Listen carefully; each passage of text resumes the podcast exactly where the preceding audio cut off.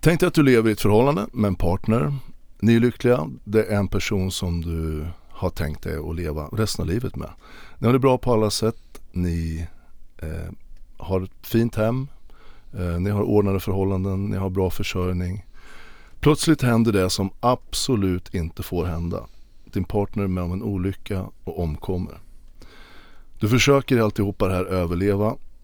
Den vän som var en väldigt nära vän till familjen till råga på allt plötsligt börjar bete sig enormt konstigt och börjar motarbeta dig. Börjar med smutskastning så du tror inte att det är sant någonstans. Det här är Stefan Wahlberg. Ni lyssnar på poddserien Ängeln, Demonen och Barnet. Det här är avsnitt 28.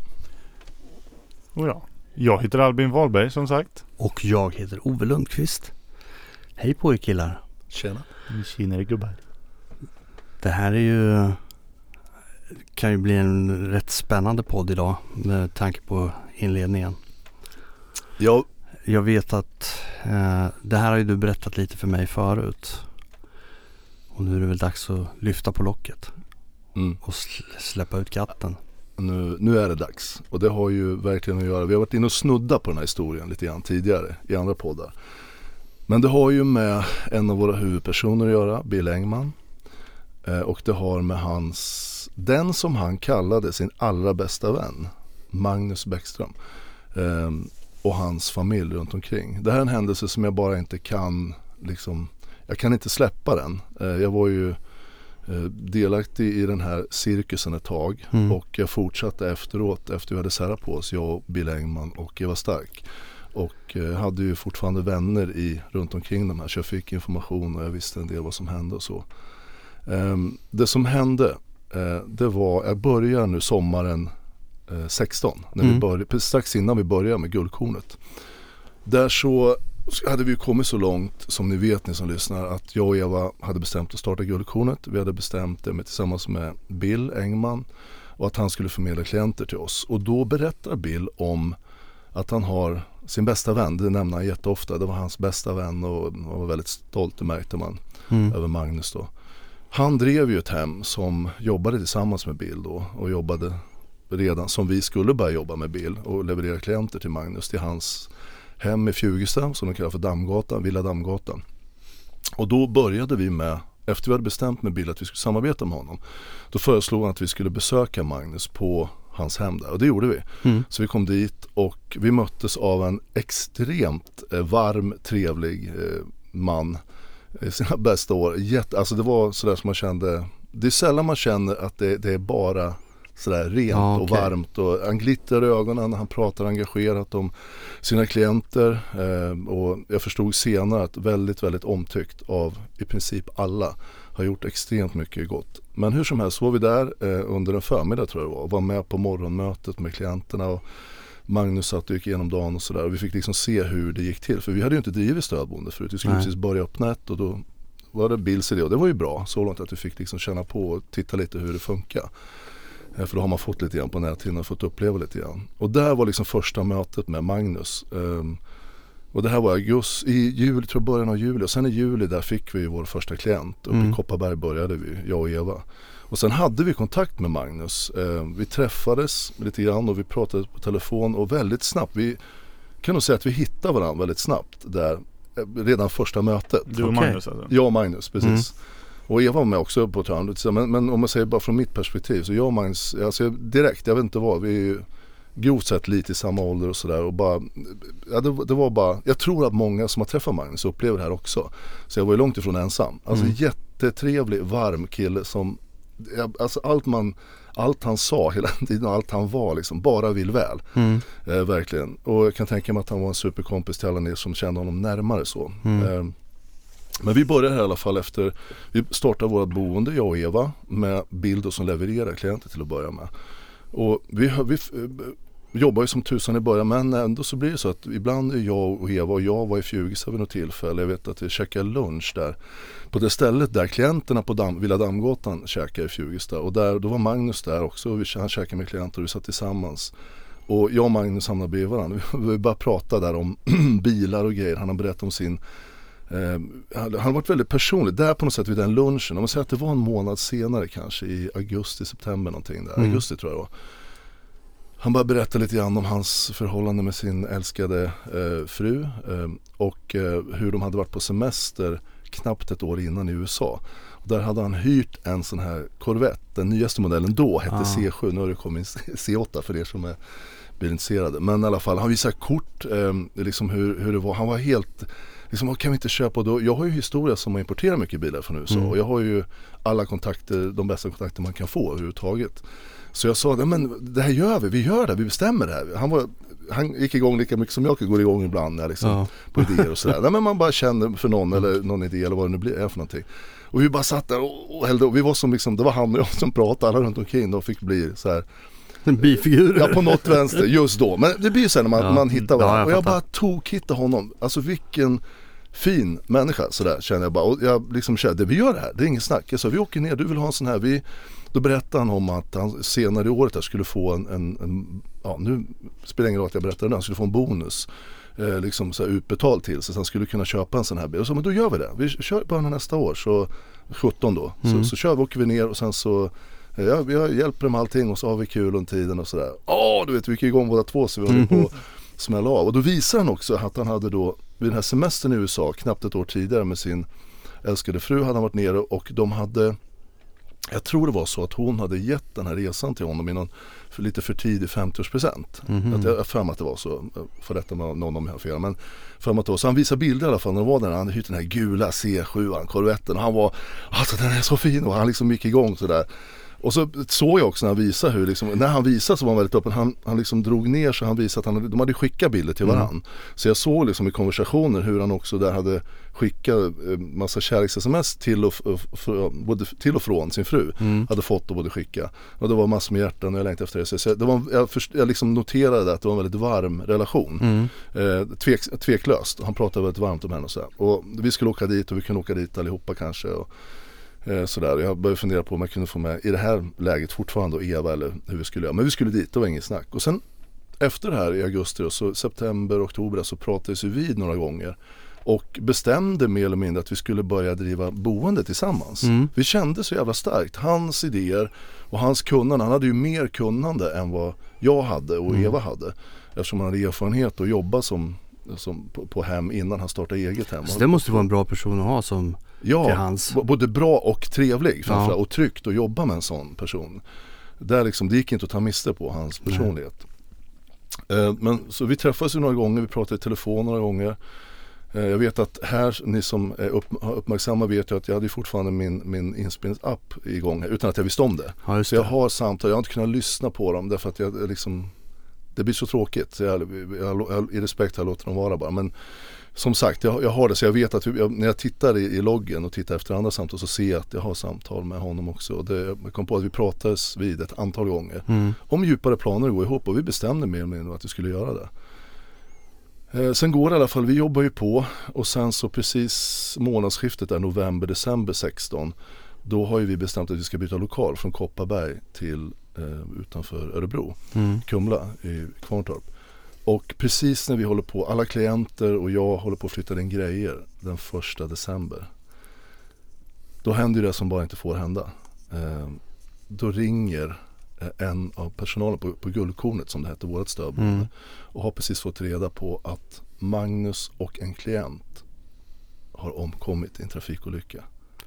Nu när jag, när jag pratar om det så blir jag så här, det är så vansinnigt sor, sorgsigt, Ja. ja. så, sorg, sorgligt som man bara jag saknar nästan ord för det. Men det hände i alla fall och jag blir alldeles eh, ställd och jag, jag försöker snabbt samla ihop alla där och bara säga att ja, men jag måste bara berätta. För jag visste att vissa av våra klienter hade Mm. tidigare varit på Dammgatan.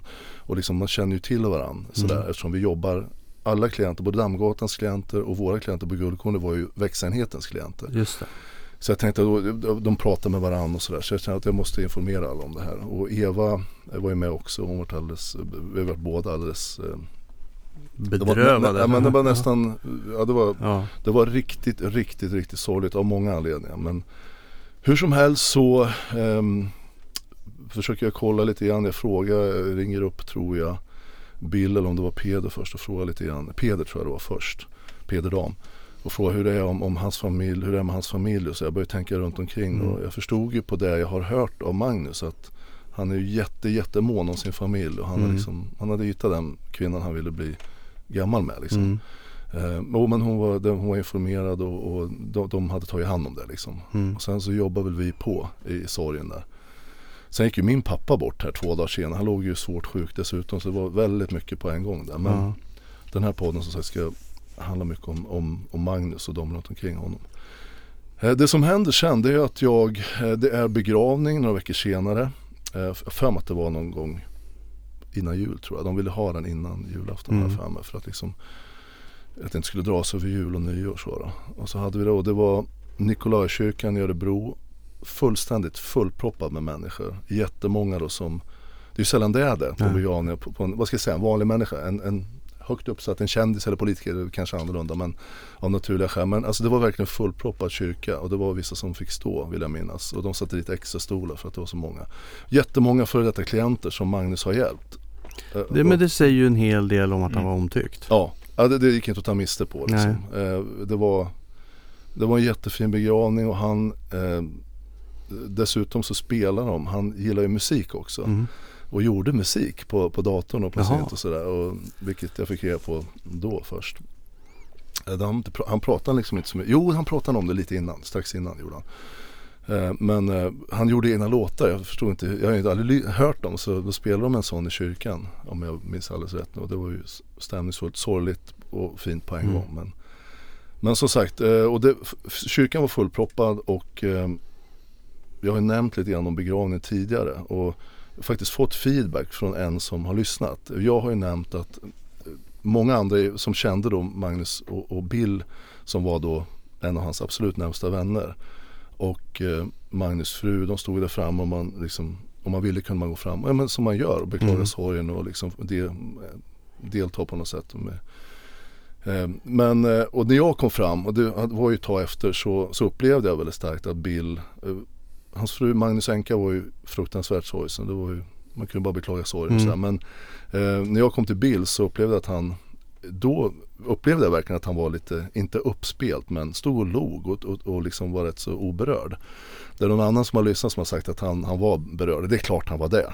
Just när jag kom fram så, så fick jag det intrycket. Det är inte hela, det är inte någon jättestor grej. Men Nej. jag nämnde det för att då tyckte jag att det var lite, eh, det kändes lite konstigt när jag kom fram. Mm. Men det är klart att han var också ledsen över att hans vän Magnus hade gått bort någonstans. Det, det är ju självklart. Det är inget snack om det. Det var sorgligt för alla.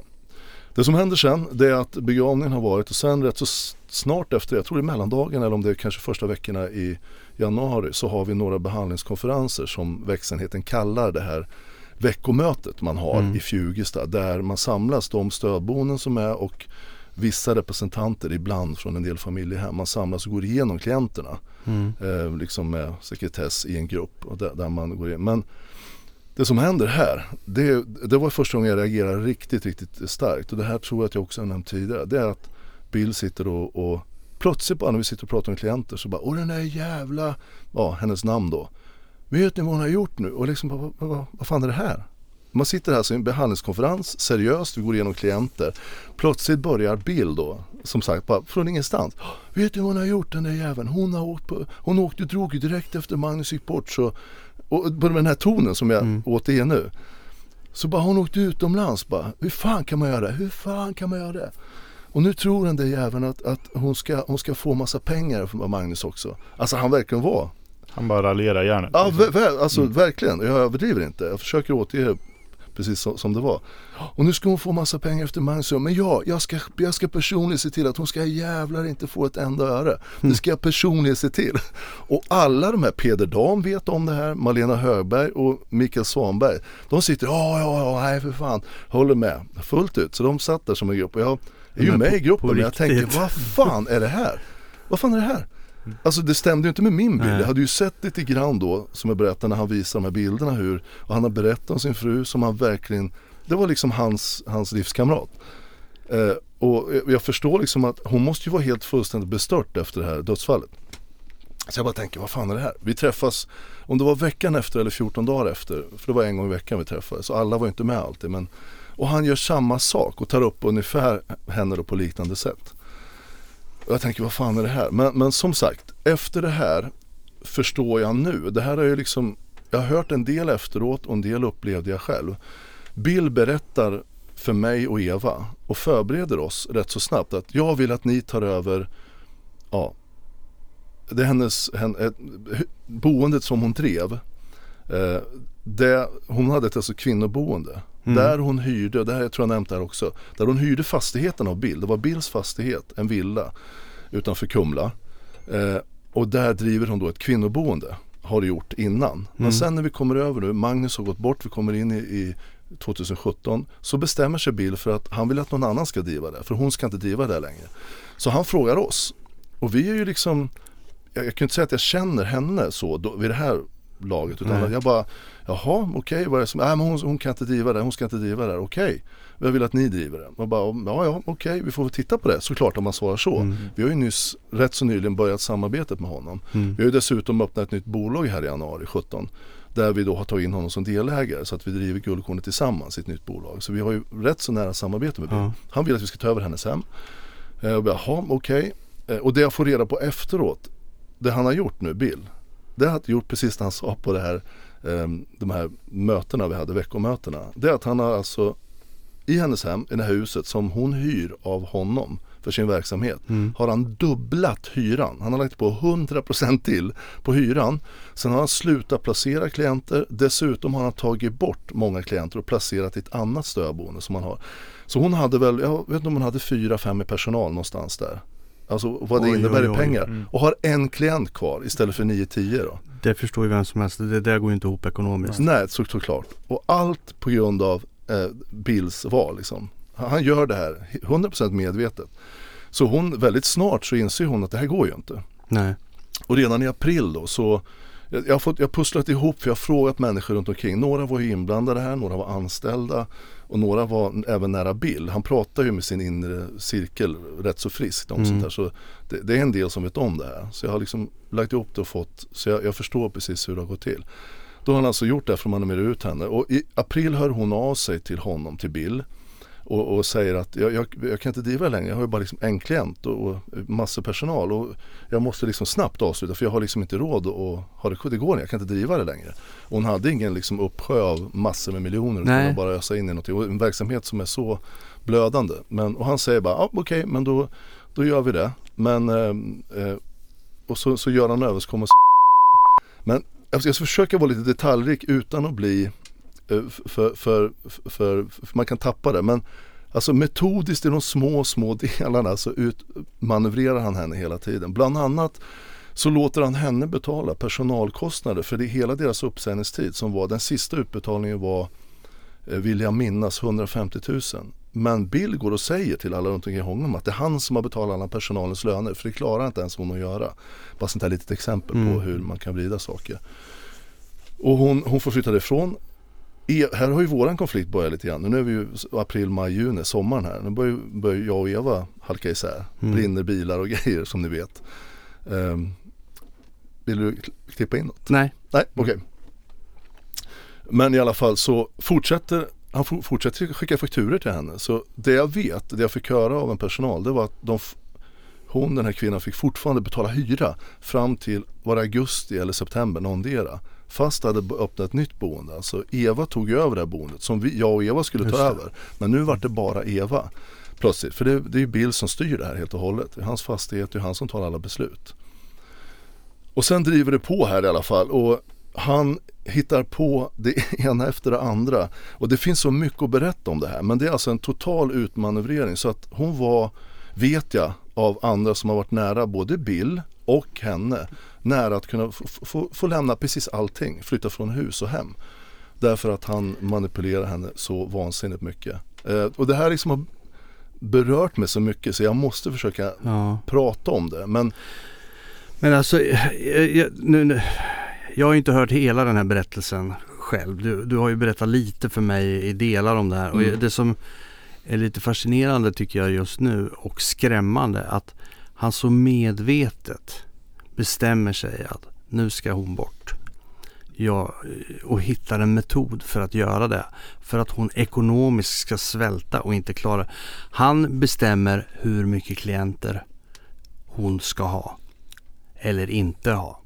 Han bestämmer hyran efter. Hade hon ägt fastigheten själv då hade det varit något annat. Men nu hyr hon den och sitter i händerna på honom fullt ut. Så han har ju ganska enkelt höja hyran.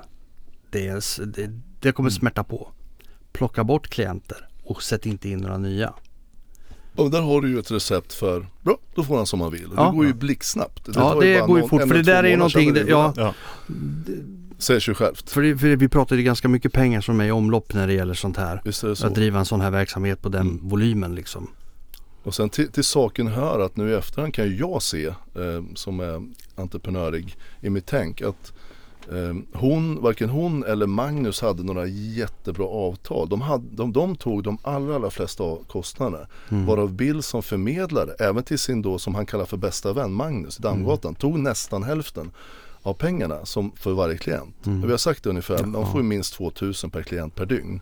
Jag tror att han tog 900 om jag inte minns fel. Per, det, det gör han generellt sådär. Mm.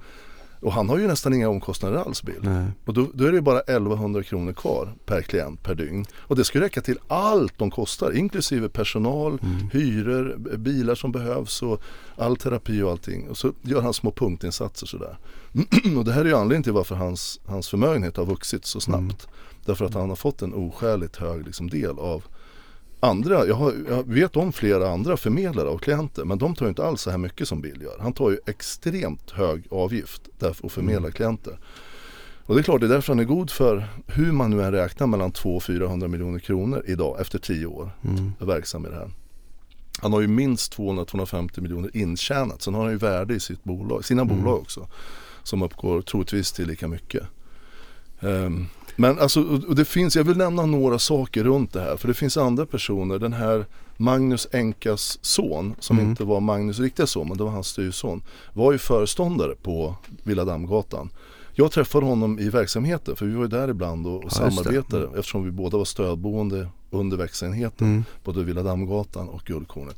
En också exceptionellt trevlig, lite yngre man som verkligen var dedikerad till det han gjorde. Och jag vet att Magnus tyckte väldigt mycket om honom. För Mm. vi pratade vid något tillfälle om honom. Han, han sa, eh, ja, hans namn då, Styvson gör ett superjobb liksom. Alltså han var eh, riktigt, riktigt nöjd med honom. Jag har fått höra av en annan person som kände Magnus väldigt väl också att han Eh, Bill, av någon anledning så gillade inte Bill Magnus fru och, och, och fruns barn, alltså Nej. sonen här. Av någon konstig anledning, det är så Bill är, det är svart eller vitt. Och han liksom, Magnus hade märkt att Bill ville helst få bort den här eh, styvsonen från Mm. som ansvarsrollen på boendet. Men det här hade Magnus sagt att aldrig i livet. Han, han, ska, han ska vara kvar för det, det, liksom, det kommer jag aldrig, liksom, han sa Nej. någonting om att, han hade sagt någonting om att det kommer jag aldrig liksom tumma på. Nej. Därför att han var så glad, det var hans, han liksom hade tagit till sig honom. Mm. Och det är klart han älskar styvsonens mamma och det är klart att de var en familj. Och, och Ja. den personen som Magnus också var. Mm. Här såg man efter varandra liksom. Mm. Bill är ju inte sån. så, och det, det, den alltså behandlingen av den här styvsonen vart bara värre och värre. Den startade ju väldigt snabbt efter Magnus hade gått bort. Och sen tror jag att det var hösten 17 eller om det var in i 18 till och med kanske. Där han till slut vart så utfryst av Bills manipuleringar. Alltså Bill, det här har jag fått reda på i första hand av de människor som jobbar där. Vissa har ju slutat där och efter det tagit kontakt med oss tack vare podden. Ja. Vissa av dem. Jätteintressant. Där de alltså, där på Bills direktiv liksom säger att du ska inte lyssna på den här so- eh, styvsonen, du ska inte göra det och du ska inte göra det utan han ska, och liksom det, det är mig du ska lyssna på. Eller så försökte han här, eh, en som Bill gillade, Mm. det var ju Magnus förra fru, Susanne. Hon som nu är föreståndare för Villa Dammgatan. Mm. Hon var ju tillsatt efter den styvsonen eh, försvann då Mm. och eh, slutade på eget bevåg för att det var ohållbart. Det gick inte att driva verksamheten.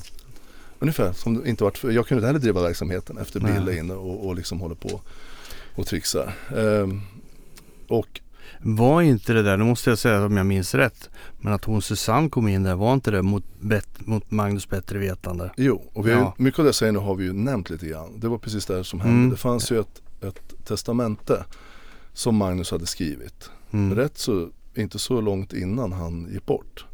Ehm, men det hann ju inte bli bevittnat. Nej. Jag tror att det var undertecknat av honom, det var inte bevittnat. De skulle bara be, liksom få det bevittnat och sen var det klart. Sen går han bort och det som händer det är ju att en, en vad ska jag kalla det, en kumpan eller medhjälpare till Bill.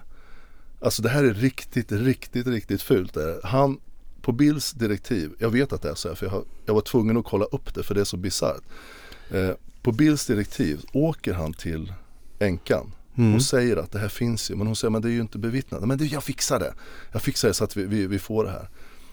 Eh, och i det testamentet stod det bland annat att det var hans liksom tankar hur han ville att det skulle se ut om han, han skulle gå bort. Mm. Där står det, jag vill under ing, eh, typ de här orden, jag vill under inga omständigheter att Susanne, min exfru, får någon, får någon del av det jag har. Det har han jättetydligt skrivit. Mm. Eh, den här kumpanen till Bill tar det här, åker och falsksignerar då, vilket det blir. Det är ju inte bevittnat när det är skrivet utan det är ju bevittnat efteråt. Ja, Och då blir det ogiltigt. Det här vet ju Bill. Ja, just Det det. visste Bill om. Och strax efter det är falskbevittnat så, så lämnar de inte tillbaks det till, till änkan utan de lägger in det liksom i dödsboet som att "Det här nu, nu har vi det här. Och sen förstås så meddelar ju Bill, tro, jag tror det var via någon annan, att det här är ju inte giltigt. Så de lämnar in det och det blir då ogiltigförklarat precis det Bill ville. Så att all, all den här sista viljan som Magnus skrev ner, den skulle kunna ha varit okej. Man kan alltså godkänna ibland testamenten som bara är underskrivna om Mm. man liksom konstaterar att det här är korrekt och de hann bara inte bevittna det. Är du med? Mm. Men normalt ska man ju bevittna det för att det ska vara hundraprocentigt. Men i och med att de falsk bevittnar det så blir det olagligt. Därför så eh, gäller inte det här. Och det Bill gör här, det Hur- är, Hur mycket kan man komma undan med? man kan komma undan med mycket. Ja, alltså, Fråga Bill. ja. på allvar. Jag Vid det här skojar om det men ganska fråga klart. på Ja. allvar. Det som händer här och det, det man inte vet förrän lite senare det är att Bill försöker jobba in Susanne. Så när han har mobbat ut den här styvsonen, stackars styvsonen, för det här är en Mm. bra kille, bra självförtroende, duktig och ambitiös. Jag vill verkligen, när han är så pass mycket yngre än mig så jag kan se ur ett farligt perspektiv lite grann. Mm. Superkille. Jag förstår att Magnus var stolt över honom. Trots att det var eh, styvsonen. Men det Mm. har ingen betydelse så. Utan de hade en nära relation och de gillar varandra. Bara en kort fråga, hade Magnus några egna barn? Ja, det hade han. Okej. Han hade, jag kommer till det, jag, ska, jag måste nämna lite om det för det är också Ja. lite ledsamt sådär. Men eh, ehm, Magnus har ju ett förflutet Mm. ehm, och det är därför han, bland annat säkert därför han är, har så stor ryggsäck som han har. Det är därför han är så duktig som han är. Han kan förstå det här så bra för han har en, han har en egen historia Mm. runt det här med missbruksvärlden. eh, när han var yngre. Ehm, men hur som helst, det Bill gör här det är att han tillsätter ju då, så fort han har fått bort styvsonen så tillsätter han Susanne som, ehm, som ansvarig för boendet. Mm. Precis det hans påstådda bästa vän har sagt i det här eh, sista orden, testamentet, att det han inte vill under inga omständigheter. Då tänker man bara, vad fan är det här? Hur fan kan man göra så mot sin, sin bästa vän? Mm. Bill var ju så otroligt stolt över att och, och tala så vitt och brett om att Magnus var hans bästa vän. Man kan ju undra varför han hade så gott öga till Susanne. Precis. Vad finns det för orsaker till det? En vild gissning är väl att hon är lätt manipulerad. Ja, Det är sådana människor som han vill ha omkring sig. Ingen egen vilja direkt Nej. utan hon gör som han säger. Och hon, han, han, Bill sån, det har jag berättat tidigare. Det är inget jag hymlar med. Han köper människor. Och människor som gillar pengar och blir extra behandlade, de, de hakar på Bill. De vet att så länge de håller sig och visar lojalitet, då, då Mm. får de del av hans alla pengar. Det är så enkelt funkar det i de flesta fall. Eh, Men, men som sagt, man, jag vet inte i övrigt. Han påstår ju då att Susanne är ju då Magnus exfru mm. och är då mamma till två, två barn som, är, som, som, som Ma- Magnus är pappa till. Mm. Ehm, som han var väldigt mån om att ha kontakt med och sådär. Så att ehm, jag, jag har dragit mig för den här podden därför att det är ju en hel del människor och även unga människor inblandat. Mm. Men jag vill ändå, vad ska jag säga, i det här nu så lägger jag ingen skuld på Susanne utan det här är ju Bills verk. Det är ju Mm. Bill som har gjort det här. Det är han som sitter som en puppet Japp. och styr det här. Han vill ha Susanne av, av massa anledningar, man kan gissa en del och vi vet en del och sådär. Och han vill ha bort Magnus Styrson för han bara gillade inte Magnus, ja frun då, eller Mm. den som var frun, Mm. änkan. Eh, och, och så var det bara, och det ser han till och det gör han. Och, och sen, är det, sen är det inte mer med det. Och sen drar det igång här, det kommer ju in alltså till den här stackars änkan då som också har en verksamhet utöver det här kvinnoboendet som hon är. Så Mm. har hon en annan verksamhet där hon är terapeut och, och har behandlingssamtal med klienter och hon är inblandad på olika sätt i, i den här behandlingsvärlden med. Och Mm. då kommer det plötsligt in och jag tror jag har hört det förut. Det kommer in tips till skattemyndigheter och grejer från någon anonym som lämnar tips så det blir granskning av henne. Jättekonstiga grunder men tipsen är så grova så att och det här gör han alltså. Det, jag vet inte hur jag ska, mycket jag ska tala om i detalj. Jag måste tänka mig för så jag inte eh, liksom målar ut någon som inte... Därför att vissa vill vara anonyma och de ska få vara anonyma. Mm. Och, och, det som folk inte vill att jag ska säga det kommer jag inte säga. Men det är en cirkus där hon blir indragen i eh, falska anmälningar till myndigheter, media inblandad. De gör reportage om henne. Så hon, en del av hennes verksamhet försvinner ju tack vare det. Sen långt senare så blir det här Eh, så går det här liksom efter granskning så ser man att men det var ju inga fel. Men då är det ju för sent, då är ja. verksamheten upphör. Det är det här som är problemet då när det har målats ut på det här sättet. För det är ingen som kommer att ta tillbaka det som har hänt. Nej. Och det går inte att reversera liksom. I, Tiden går och skadorna skedde. Ja, det är redan, det är redan skett. Och, mm. Vi har ju sett kända personer som har råkat ut för sånt här i media och blivit dragna. Men de är fortfarande, vad ska man säga, anklagade och eh, smutskastade i folks ögon. Och folk tror ju på det fortfarande fast det visar sig att nej det här så är det inte så svårt att bli av med det där. Mm. Tvätta bort. Och så sagt, jag, jag, vi hinner faktiskt inte nämna allting som har hänt. För jag samlar ihop nu under några år materialet som har hänt. Och, och i mm. början då så, så, hände ju det här. Jag liksom noterade allting och försökte samla mm. ihop det. Och det är så graverande eh, ondsk, alltså elakt. Så att det mm. liksom är, man tror inte att en människa som, som Bill Engman i det här fallet kan vara så sjukt elak. Vilket jag har fog för att han är och jag, han är verkligen det. Mm. Det är inte så att jag är upprörd, jag vill inte honom något ont som jag sagt tidigare. Jag, helt ärligt, jag vill inte någon ont. Jag vet att alla, alla kämpar på med sitt liv. Men det här är så exceptionellt jävla elakt så att mm. det måste nämnas tycker jag. Eh, och därför gör jag det. Därför att den här utmanövreringen av hela liksom änkans sida där om man säger så. Mm.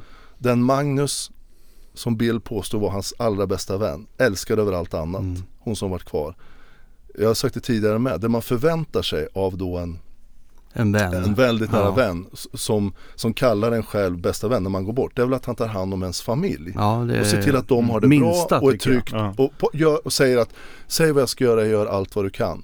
Och han gör precis tvärtom. Man måste ställa sig frågan, vad är det som gör att en människa som kallar en person sin bästa vän, när den går bort, att man då ska förgöra de så, människor ja. som, som den här mm. bästa vännen har runt omkring sig. Ja. Alltså på allvar. Tänk den tanken, det är ju orimligt. Ja, det går ju inte. Det spelar ingen roll att Bill inte var, eh, om han har nu personligt inte kommit överens eller hittade den här frun då, änkan. När, när Magnus levde, det, det må hända. Man mm. älskar ju inte alla och man synkar nej, inte med alla. Det är, det är naturligt. Men v- hur kan man överhuvudtaget göra något så dyligt? Jag hörde någon som eh, berättade att i marinkåren, i amerikanska marinkåren så har de ett eh, koncept där de eh, pratar om huruvida de litar på varandra. Mm. Och när man eh, pratar om tilliten man har till varandra då pratar man om va, men hur mycket litar du på liksom ja, men soldaten bredvid dig liksom. Och eh, då funderade de lite på hur, hur, ja men litar du på honom med ditt liv? Ja, ja men det är självklart. Vi, vi, vi står ju bredvid varandra på liksom skottlinjen. Det, det är mm. klart vi litar på. Ja, jo, men det, det är givet. Men, men hur lite, skulle du anförtro honom med din fru och dina pengar? Det, det är, mm. det är hur, hur de beskriver, hur, litar du på någon? Skulle du anförtro honom med din fru och dina pengar? Mm. Litar du på att han skulle ta hand om det och eh, se till att din vilja eh, gick till mötes om du var tvungen att lämna över din fru och dina pengar till honom? Mm. Eh, och kan man svara ja på den frågan? Ja men det, det är tillit. Mm. Kan mm. man inte det, eh, då har vi ungefär vad, vad Bill har gjort i det här fallet mm. som motexempel på hur en person man inte kan lita på i det här fallet. Som Bill har eh, gjort på värsta tänkbara sätt. Ja, ja, ja. Gott. Det, det, ja, det, är, det är inte bara att man inte bryr sig utan att man gör den här liksom galna manipuleringen som är helt sjuk. Och jag vet att jag vet att de, de hon, han hade ju möten med, med Magnus familj några gånger. Vid ett tillfälle så var det en annan person med som jag pratat med. Mm. Som intygar hur Bill såg ut. Det här, jag säger det bara som, som jag fått förklarat. Eh, han liksom satt ut och de hade någon diskussion där eh, de sa någonting och Bill såg ut som han satt och njöt. Liksom att det var någonting hon skulle, de skulle prata om hur att det här skulle bli tokigt. Ja, mm, jag förstår det. Alltså så här, riktigt evil, elakt. Och jag har ju sett den här sidan Mm. av honom. Jag berättade det här med Jo. den här gången när jag och Eva han satt och han, jag började gråta lite grann. Ja. Och han blir som, Alltså man, man föder ju, eh, eh, de lever ju på andras känslor. mm, Eller känslouttryck. åt alla håll. Jag skulle säga det att alltså för att klara sig undan en sån här person. Eh, om man ska lägga in ett tips just nu. Det är bara att vara totalt neutral. Släpp inte, eh, utan affektion liksom. Ingenting. Om du kan. Om man kan. Ja så här, precis. det är så här, Magnus och hans familj var ju så inblandade Mm. i, i, i nästan, nästan allt de gjorde med Bills liksom affärer och ägande och med hus och affärer hit och de hade varandra och det var kunder, klienter hit och dit och sådär. De var ju sammanvävda som jag Mm. var med Bill. Mm. Och när han har den makten och spelar den här, spelar bra eller spelar, spelar dålig så, så, så gör han det. Mm. Och det är det ena eller andra. Också överboostrar människor som man gör med Peder Dam som får massor med, Peder Dam tror jag inte fortfarande förstår varför han vart vald av Bill. Jag har fått den förklaringen. Alltså det jag funderar på. Vilket jävla jobb de lägger ner sådana personer. Alltså jag skulle ju vara helt slut om jag skulle Bara hålla sopa på. upp spåren efter och bara Ja, alltså det, ja men det är ju hela tiden. Alltid är det något, är det något, är det Ja, något ja. liksom. Ja. Man får ju inget liv. Nej. Eller livet kanske går ut på att vara sån här. Mm.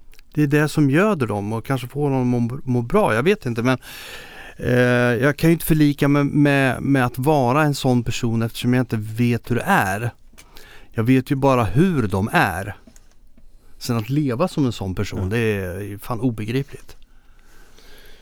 Och det är som så, ja, men det är, så är det Och nämna några saker när du pratar om det här. Det var ju en, en bodelning efter Magnus också då. Mm. Och då var det en, och det här fick jag faktiskt ta del av själv. Jag var faktiskt med vid något tillfälle med. Jag fick ta del av, det var eh, advokatfirman Nordqvist i Örebro här Mm. som skötte den. Och den som skötte den var Sofia Nordqvist. Och Mm. jag antar att hon var familj till någon som hade startat firman där. Eh, som betedde sig så märkligt. Och hon köpte ju Bills, precis det han sa. Alltså, hon, han, man, alltså det är som man hypnotiserar människor.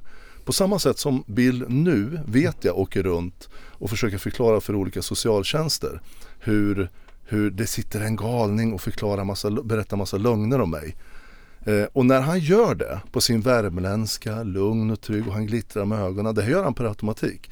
Så tror man honom. Alltså jag har hört människor som har pratat med honom som vet att han, att han ljuger. Men de sitter och, och känner sig trygga ändå.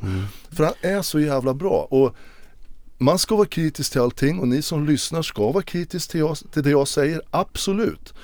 Men det finns, ni ska veta att det finns mycket som jag inte säger här av flera skäl. Dels vill jag inte avslöja sådana som inte vill komma fram och vara anonyma. Och dels finns det saker som jag kanske inte är 100% har täckning. Jag vet att det här är så, om ni förstår vad jag menar till 99%. Ja. Men jag kanske känner att jag kanske saknar någon detalj. Då väljer jag inte att prata om det. Och det jag säger det är verkligen det som har hänt. Och som sagt, ni ska vara kritiska, fundera åt båda håll. Men Eh, tänk båda scenarierna och sen så lyssnar ni och tänker på hela poddserien och sen så klurar ni ut vad som kan stämma eller inte. Och jag, vad ska jag säga? Om det skulle kommas på att jag med allt jag har gjort i mitt liv sitter och ljuger här. Om vi säger nu det som exempel. Jag, jag, är, ju, jag är ju liksom, jag är ju borta. Alltså det, det, försöker tänka rimligheten i det jag säger. Var kritiska men, men jag, jag går i god för 100% att det jag säger det är sånt som jag vet. Jag har tagit reda på det ordentligt. Och det jag nämner nu, det här med till exempel Sofia Nordqvist. Jag var ju där med på ett möte. Mm. De omständigheterna behöver jag inte gå in på men, men jag var medkallad för hjälp i ett möte. Mm. På grund av tekniska saker i, i papper och sådär. Och där såg jag det här, hur, hur det var. Alltså människor beter sig ibland som hypnotiserade när de har haft med Bill att göra. Jag tror att det är en kombination av att han är otroligt charmig och han kan verkligen koppla bort den här liksom känslodelen och bara vara, spela den här otroligt övertygande, trygga, värmländska liksom Bill Engman och, och liksom köra på det. Plus att folk tror jag omedvetet har en väldigt stor respekt för alla som har mycket makt. Och det har man ju när man har så mycket pengar som han Mm. har. Han har ju enorma rikedomar nu. Ja det måste man ju säga. Han har ju verkligen är det ju. lyckats rent affärsmässigt. eh, Alltså plus och minus. Och det blir ju väldigt legitimerande alltså, Ja, Mm. och när det kommer en sån, han kan väl inte sitta och ljuga, det kan ju inte stämma. Nej, det, det går ju inte. Och den här som Stefan då, som inte har någonting nu eftersom Bill har tagit allting. Ja. Han, nej, det där låter lite, där får vi undra vad han har Det är en för... avmudssjuk, Ja, eller något kränkt vit man. Nej, nu, nu, nu, nu, det där sista får du. Jag är inte vit, du vet att jag är fjärdedels färgad. Jaha, okej. Nej, skojar. Inte vad jag vet i alla fall, det kanske är. Det var dåligt med sol i vinter. Men alltså så- så är det. Det är, liksom, det är så pass, eh, nu skojar vi mitt i allt elände här och all sorg. Därför att det var ohyggligt sorgligt det som hände efter, Mm. efter eh, olyckan här. Och eh, vad jag vet så fortsätter det här liksom än idag. Han ger sig liksom inte. Han håller på i all evighet. Och jag tror att det är så här. Och nu, jag säger precis som det är. Jag tror att Bill har kommit av sig lite grann i att bombardera mig. Nu har han ju sett till att sätta eh, Guldkornet, bolaget, i konkurs. För att det var ju konkurs några veckor som ni vet innan vi var uppe i Mm. rättegång.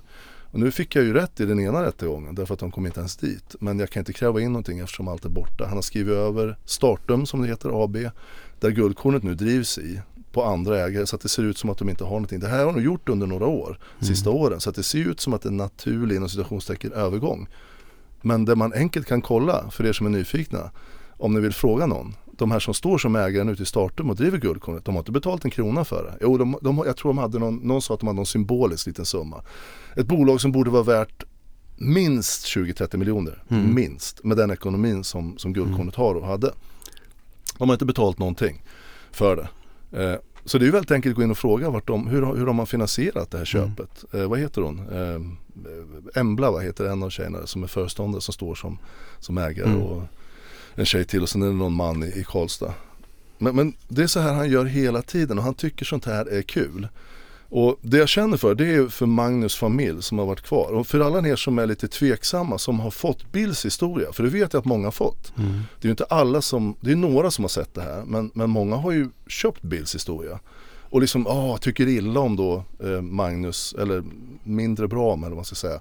Om Magnus änka och den familjen som är och tycker att de, och, och vågar liksom inte stå upp. Det är också en aspekt i det. Ingen, ingen egentligen vågar stå upp. Nej. Därför att i princip alla som jag har pratat med, de säger att vi ger dig gärna information Stefan, men jag vill absolut inte förekomma med namn, ingenting som kan liksom härledas till något unikt samtal med Bill.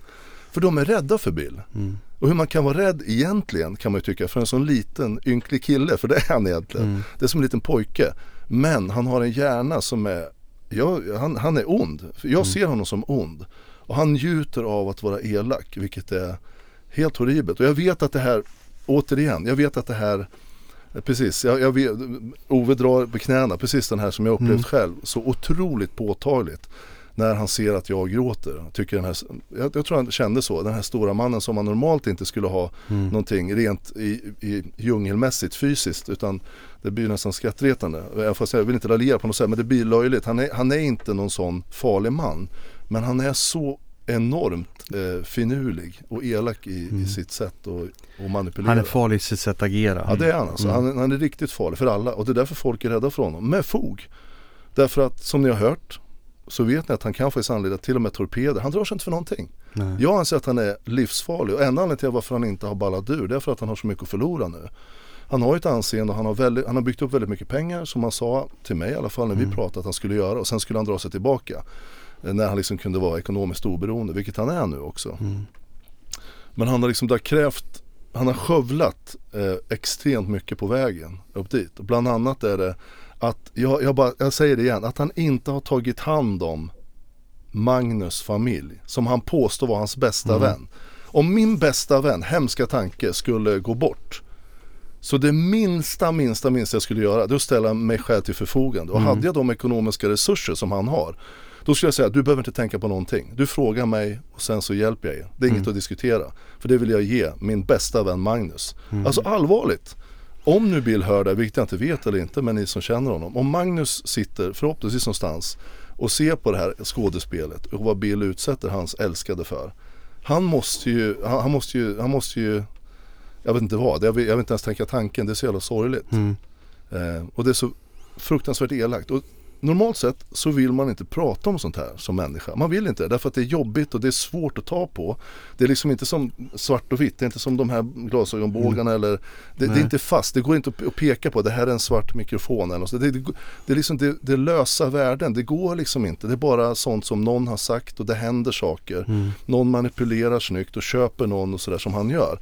Men han gör det så mycket. Så det jag kommer fram med nu i den här podden det är ju sammanställer så mycket som jag har och jag har mycket mer som kommer att komma också. Mm. I form av samtal och eh, meddelanden och, och vittnes, väldigt, väldigt trovärdiga eh, vittnen som har, har kontaktat oss och Ja. berättat det här. Det var det jag skulle säga. Vi har löpande så får vi väldigt mycket meddelanden och kontakt ifrån personer som finns runt omkring den här sfären som tycker att nej, jag måste berätta det. Och det blir ju mer och mer och mycket blir bekräftat och sen kommer det nya uppgifter. Så vi har ju en sjö att ösa ur. Mm. Det kan jag säga. Och ja, jag säger väl så här, du som lyssnar och känner att du vill vända dig till oss, gör det bara. Ja, vi, vi, vi tar gladeligen emot tips och information därför att det här är enda sättet att komma till bukt med sådana här samhällsförstörare tycker jag. Mm. Och, och det blir på ett personligt plan så det skapar ju som jag sagt tidigare sjukdomar, folk dör. Mm. Jag anser, och det har jag sagt i min podd, och att, att Bill och eh, Benjamin Bjerner som jag har sagt, Bill Engman är på något sätt delskyldig i att en klient gick bort. Mm. Och det, det har jag fog för och jag, jag kan bevisa det. Jag funderar fortfarande på hur jag ska gå vidare med det. Om jag ska anmäla det inte. För det tar ju tid allt sånt här. Ja. Man ska anmäla honom. Han vet att man har inte, har, är man inte enormt förmögen då måste man sköta mycket själv. Mm. Och därför så gör man inte det. Man har inte tid. Man, man, man har inte råd. Det, det går liksom inte att driva saker och ting. Eh, Men, men, men det får ohyggliga konsekvenser. Och den som inte bryr sig ett dugg om det här, det är Bill Engman. Mm. Nu har jag pratat mycket om Bill Engman. Det är klart att Eva Stark är en del i det här. Men det, det är Bill Engman liksom som ni har hört tidigare med. Det är han som är som lite hjärnan bakom alla idéer. Och det är han som styr väldigt mycket och gör mycket av det här. Mm. Och speciellt när det gäller Magnus och hans familj. Mm. Vilket är vidrigt.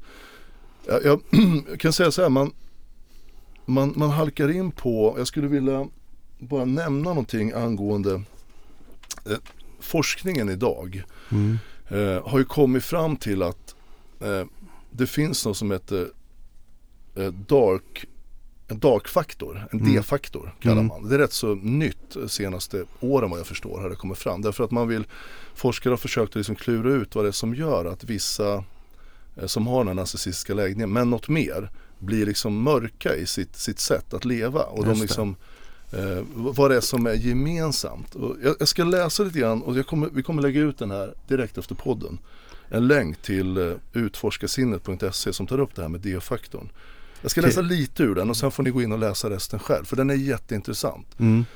Av den anledningen att det är bra att försöka och, och skaffa sig kunskap om det här. Så man som sagt återigen lättare kan känna igen det. Och sen eventuellt undvika det. För det, det rekommenderar jag verkligen. Eh, så här står det. Mänsklig ondska är verklig. Vi kan nu identifiera den och mäta den här personlighetstypen genom D-faktorn. Generellt sett är människor benägna att vara sällskapliga, empatiska och öm, ömsesidigt omtänksamma. Det är så vi har överlevt och utvecklats som art. Men vi vet att mänsklig ondska existerar och nu har vi alltså upptäckt dessa potentiella ursprung, det vi kallar för D-faktorn. Philip Zimbardo, en socialpsykolog och före detta chef på APA, APA, American Psychological Association, säger att ondska är mer än enbart önskan att degradera, förödmjuka, kontrollera och skada andra. Vi har mängder av historier, exempel på ondska. Det finns massmördare som Ted Bundy och Andrei Chikatilo heter han. Och folkmordstyranner som Hitler och Stalin med flera. Det finns också personer som Charles Manson som influerar andra människor att begå våldsamma brott. Men ondska är slingrigt, det är tyst och normalt sett inte så uppenbart som de dramatiska historierna om dessa mytiska namn i kriminalhistorien. Ondska uppstår på många vardagliga platser också. Chefer, politiker, skadliga föräldrar eller till och med barn som skoningslöst mobbar, förödmjukar och attackerar sina klasskamrater. Vi vet också att det finns flera betingande faktorer som spelar en roll i dessa aggressiva beteenden.